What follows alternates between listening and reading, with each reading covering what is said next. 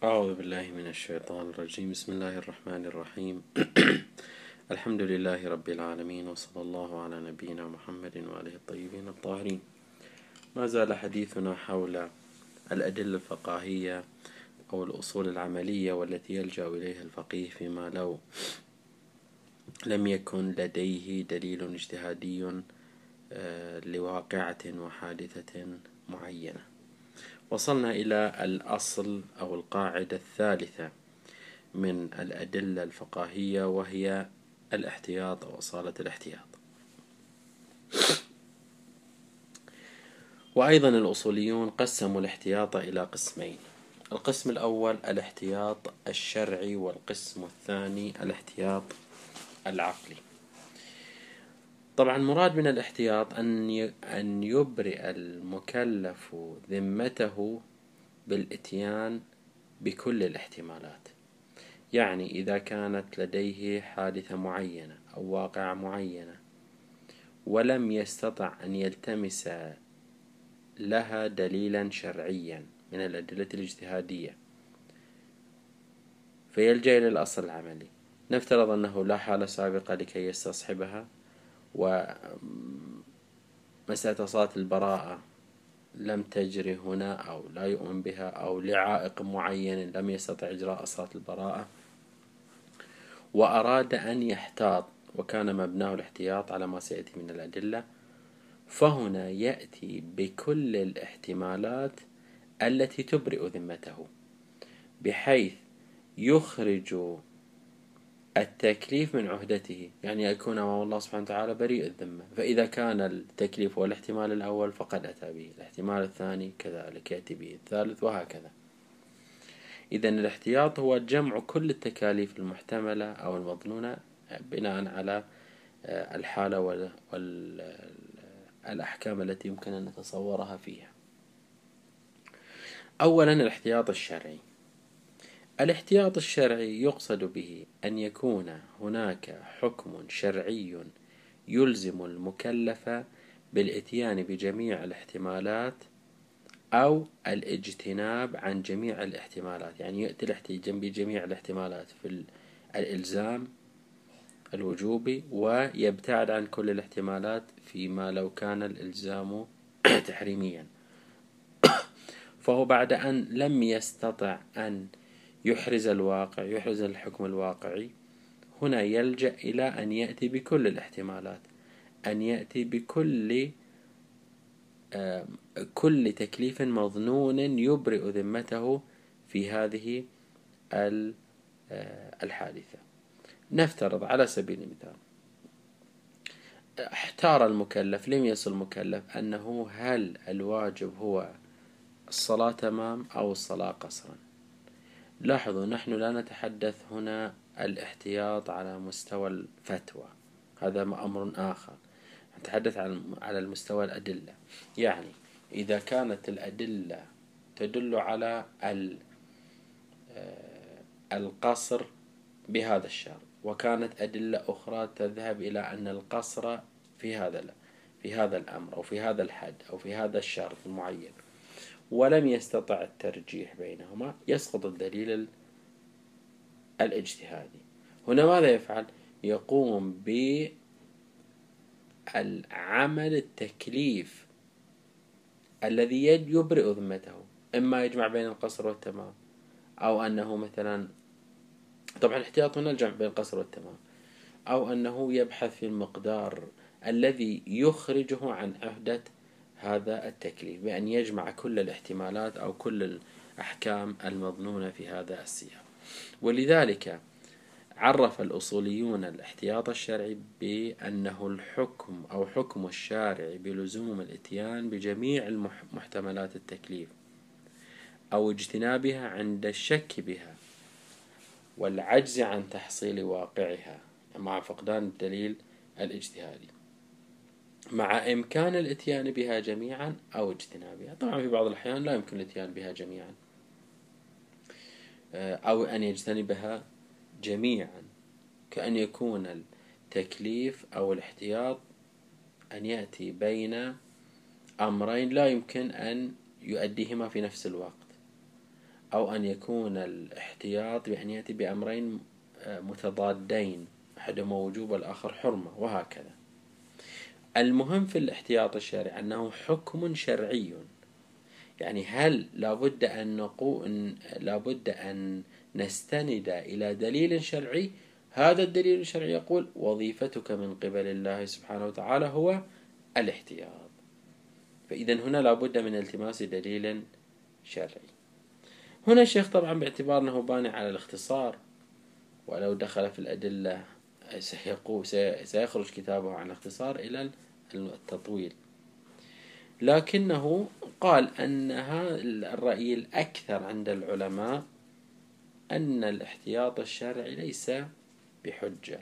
يعني لا لم توجد هناك أدلة تدعو المكلف إلى أنه فيما لو لم يستطع إحراز الواقع أن يجمع بين كل التكاليف. لا يوجد هناك دليل شرعي.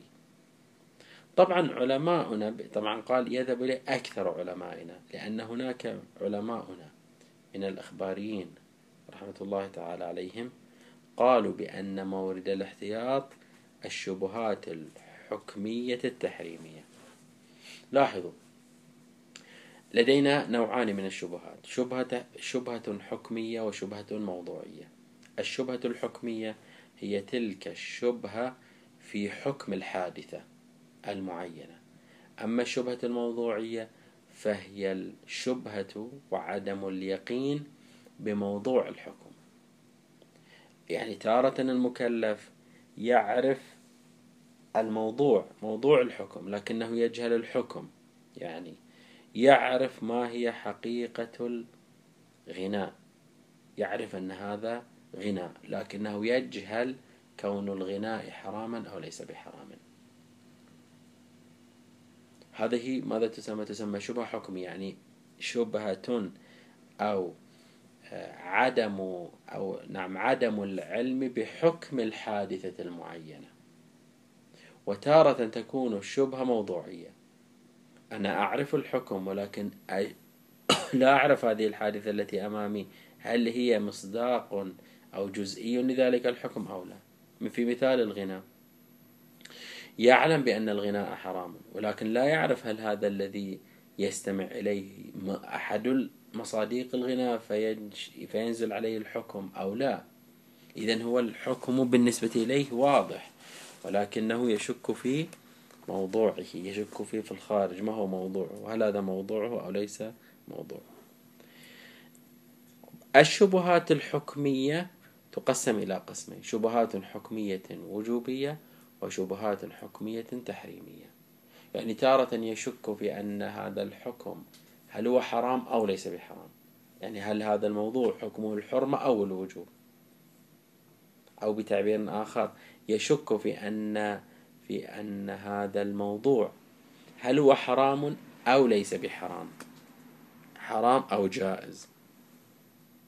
إذا هذه شبهة تحريمية. وتارة لا يشك بأنه هل هو واجب أو ليس بواجب.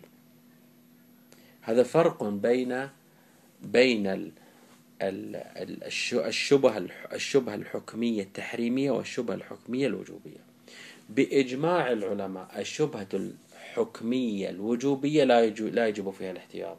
لم يقم دليل عليها على الاحتياط في الشبهات الحكمية الوجوبية. يعني إذا المكلف لم يعرف حكم حادثة معينة وكان يشك هل هي واجبة أو ليست واجبة. مثلا كان المكلف يشك هل يجب عليه قراءة دعاء رؤية الهلال عند رؤية الهلال أول الشهر أو لا؟ لاحظوا يشك في أنه واجب أو ليس بواجب. هنا الجميع متفق على أنه لا يجب الاحتياط هنا. والأدلة أدلة الاحتياط التي سيقت لإثبات الاحتياط الشرعي منصرفة عن الشبهات الحكمية الوجوبية. أما في الشبهات الحكمية التحريمية هنا الذي تبناه الأخباريون. الأخباريون يقولون لا. إذا كنت لا تعرف بأن هذه الحادثة هل هي حرام أو ليست بحرام فاحتاط. فأدلة الاحتياط الشرعي تقول لك في مثل هذه الموارد احتاط ولا تأتي بهذا الفعل. مثلا لا أعرف هل ما هو حكم أخذ القرض من البنوك. ما أعرف لا أعرف. أحتمل الحرمة. لا, لا نحتمل الوجوب هنا. أحتمل الحرمة. هل هو حرام أليس بحرام؟ يقول لك العالم الأخباري يقول لك هنا احتط ولا تأخذ القرض منه. فإن أدلة الاحتياط توجب عليك أن تقوم بالفعل الأكثر احتياطا فلا تأخذ به لا تأخذ به. إذا جئت أنت بالاحتمال الذي يخلي ذمتك عن هذا التكليف الإلهي المشكوك فيه. إذا مختلف في حجيته ولكن الأصوليون علماؤنا من الأصوليين يذهبون إلى عدم وجوبه. هذا الاحتياط الشرعي. أما الاحتياط العقلي الاحتياط العقلي هو أن حك أن العقل يدعو المكلف أن يأتي بكل التكاليف التي من شأنها أن تفرغ ذمته من آه، التكليف المثبت من قبل الله سبحانه وتعالى. فيأتي بالتكليف الذي يخرجه عن المسؤولية أمام الله سبحانه وتعالى. طبعا الاحتياط العقلي الاحتياط العقلي هنا متى يجري؟ يجري مثلا في الشبهات البدوية يعني في الشبهات الأولى. يعني الآن أشك هل يجوز قبل أن نبحث عن أدلة أدلة اجتهادية أو أدلة فقاهية أشك هل يجوز لي استعمال الإنترنت أو لا يجوز لي؟ هل يجوز بدوان ابتداء يعني هكذا. هل يجوز لي أن أبيع وأشتري من خلال الإنترنت أونلاين أو لا يجوز لي؟ هنا العقل يدعوك ويقول لك هنا انتبه. في الشبهات الحكمية والموضوعية انتبه. تشك في أنه هل يجوز لي البيع والشراء عن طريق الإنترنت أو لا؟ احتط لأنك لا تعرف حكم المولى. إذا الحكم الأولي في كل حادثة هو الاحتياط إن كان وجوبيا أو كان تحريميا. هذا من موارده. طبعا حجية هذا الاحتياط الشرعي. طبعا له موارد أخرى ترتبط بالعلم الإجمالي وغير ذلك لكن الشيخ آه، لم يتعرض لذلك. استدل له بدليلين آه، أساسيين. الأول قاعدة العقلية المعروفة الشغل اليقيني يتطلب ويستدعي الفراغ اليقيني. بمعنى أنه إذا كنت أعلم بأن ذمتي مشغولة يقينا بتكليف ما فهذا يستدعيني أن أفرغ ذمتي بشكل يقيني. أفرغ ذمتي بشكل يقيني. بمعنى أنني أعلم بأن هناك تكاليف منوطة في ذمتي. ولم أستطيع الحصول على الموقف الشرعي وتمييز هذه التكاليف. فماذا أفعل؟ لابد أن أفرغ ذمتي. فأقوم بفعل كل تكليف يفرغ ذمتي عن هذه التكاليف آه، المحتملة. أن آتي بكل الاحتمالات أن آتي بكل التكاليف حتى أحصل على فراغ فراغ أن أفرغ ذمتي من هذه التكاليف الموجودة في ذمتي والتي أشك فيها.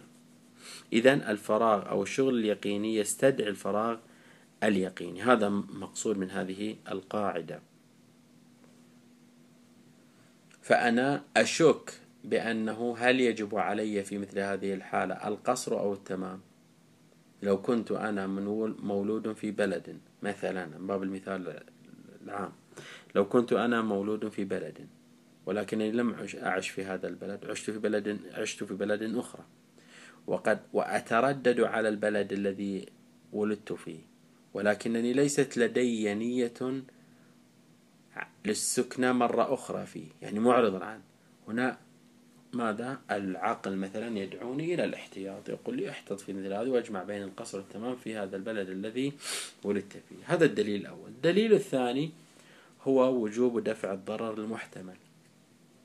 العقل يدعوني أنني متى ما احتملت ضررا ما في حال عدم وجود الأدلة الاجتهادية فهنا يدعوني إلى أن أقوم بهذه التكاليف التي أحتملها لأنني عندما لأنني عندما احتملت أو شككت في هذا التكليف ولم أستطع إجراء البراء مثلا وليس لدي حالة سابقة حتى أستصحبها ولم يجب علي الاحتياط الشرعي فالعقل يدعوني يقول لي اعمل بهذا التكليف. ربما هو واجب عليك ربما يجب الالتزام به.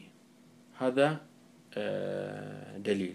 هناك دليل أضيفه هنا فقط إضافة من باب الإشارة يعني وهو مبنى سيد الشهيد الصدر الذي يوسع من من طاعة ودائرة مولوية المولى بحيث تشمل كل الاحتمال كل التكاليف المحتملة والمشكوكة في مثل هذه الحالة.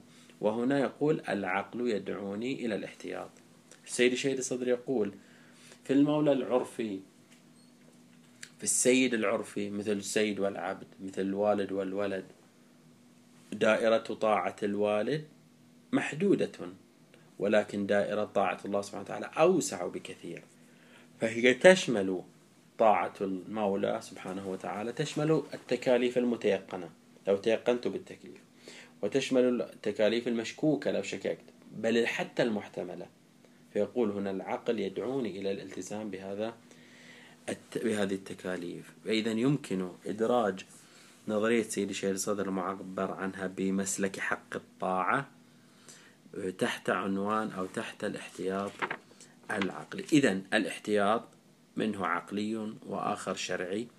الاحتياط الشرعي لابد أن تأتي أدلة تقول بأن المبنى الشرعي أن الشارع يدعو في حال عدم الوصول إلى الحكم الواقعي بأنك تجمع بين التكاليف أو تأتي بالتكليف الذي يفرغ ذمتك. أما الاحتياط العقلي فهو حكم العقل بالإتيان بكل تكليف يشك أو يحتمل تنجزه في ذمة المكلف. في ذمة المكلف. وقلنا بأن الاحتياط الشرعي كما هو واضح ليس واجبا بحسب مشهور الأصول. هذه القاعدة الثالثة. القاعدة الرابعة والأخيرة هي قاعدة التخيير. أو أصالة التخيير. وتأتي هذا في فهذه فيما لو تعارضت الأدلة الشرعية. لو تعارض دليلان شرعيان ما هو الموقف؟ هل أقدم الدليل الأول؟ هل أقدم الدليل الثاني؟ هل أجمع بين الدليلين؟ ماذا أفعل؟ أيضا الأصوليون قسموا التخيير إلى تخيير شرعي وتخيير عقلي. التخيير الشرعي بأن أن الشارع لديه حكم شرعي يقول لي متى ما تعارضت الأمارتان يعني الدليلان الاجتهاديان عند تعارضهما ماذا أفعل؟ وعدم إمكان الجمع بينهما لم أستطع ليس بينهما عموم وخصوص مطلق. وإنما بينهم يعني ليس بينهما إمكانية الجمع العرفي عام وخاص مطلق ومقيد. هنا واستقر التعارض هنا في هذه الحالة الشارع إذا كان التخيير شرعي.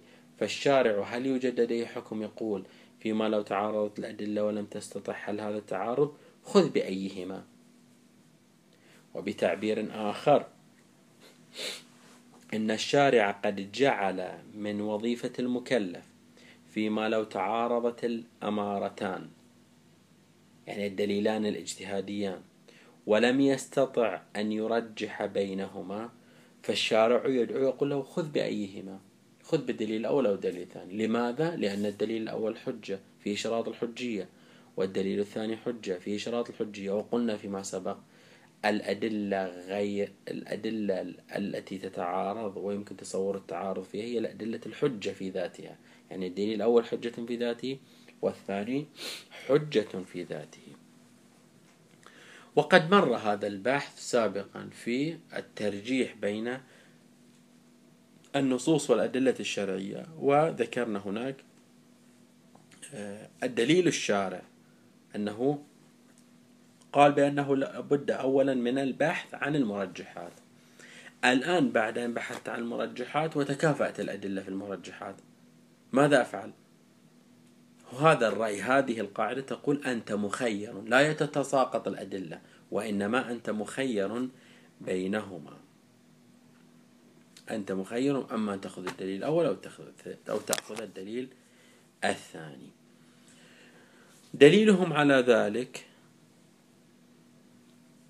طبعا هنا الشيخ معذرة لم يذكر الأدلة وإنما قال أن التخيير الشرعي ليس معروفا بين العلماء. وفعلا هو ليس معروف بين العلماء.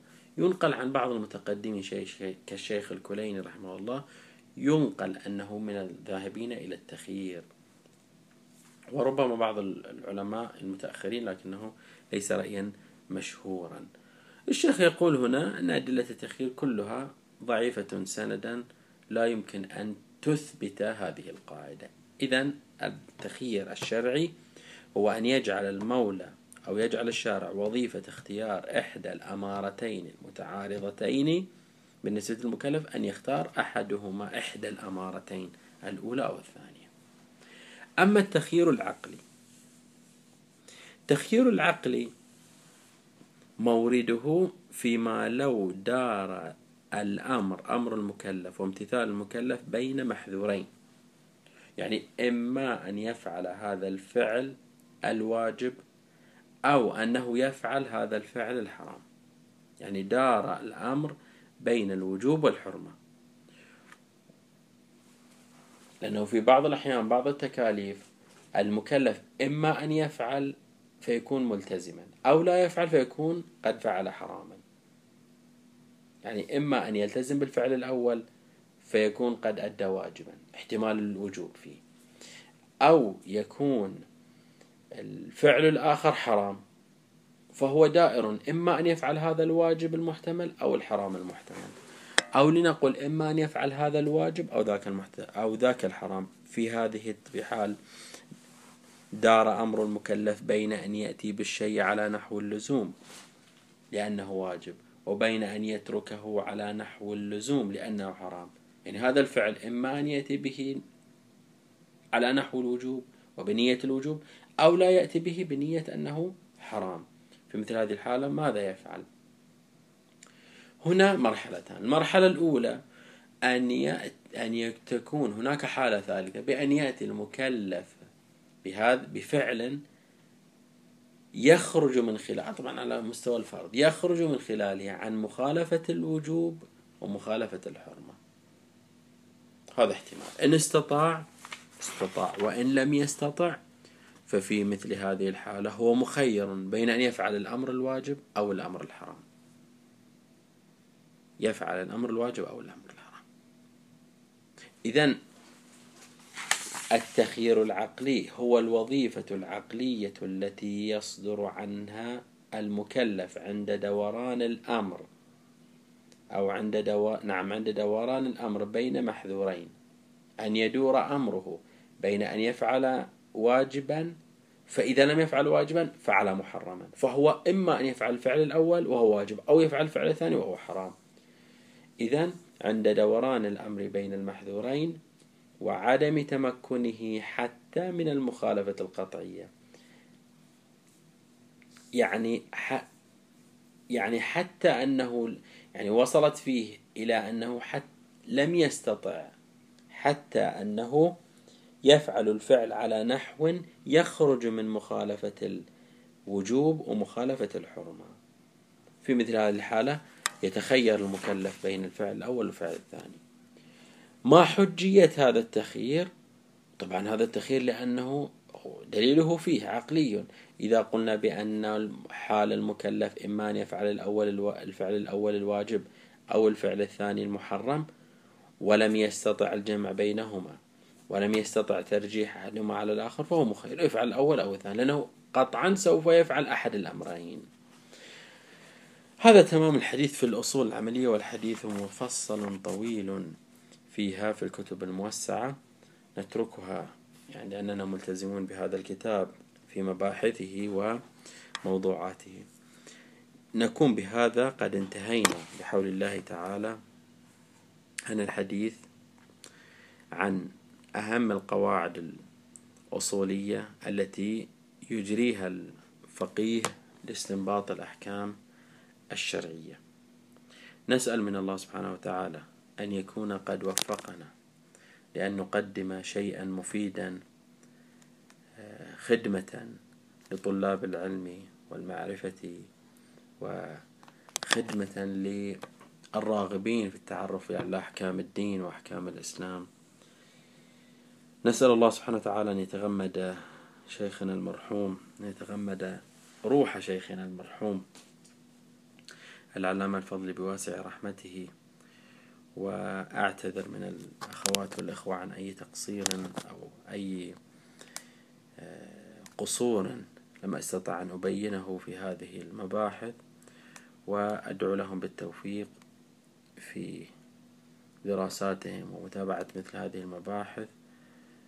إنه على كل شيء قدير والحمد لله رب العالمين. السلام عليكم ورحمة الله وبركاته.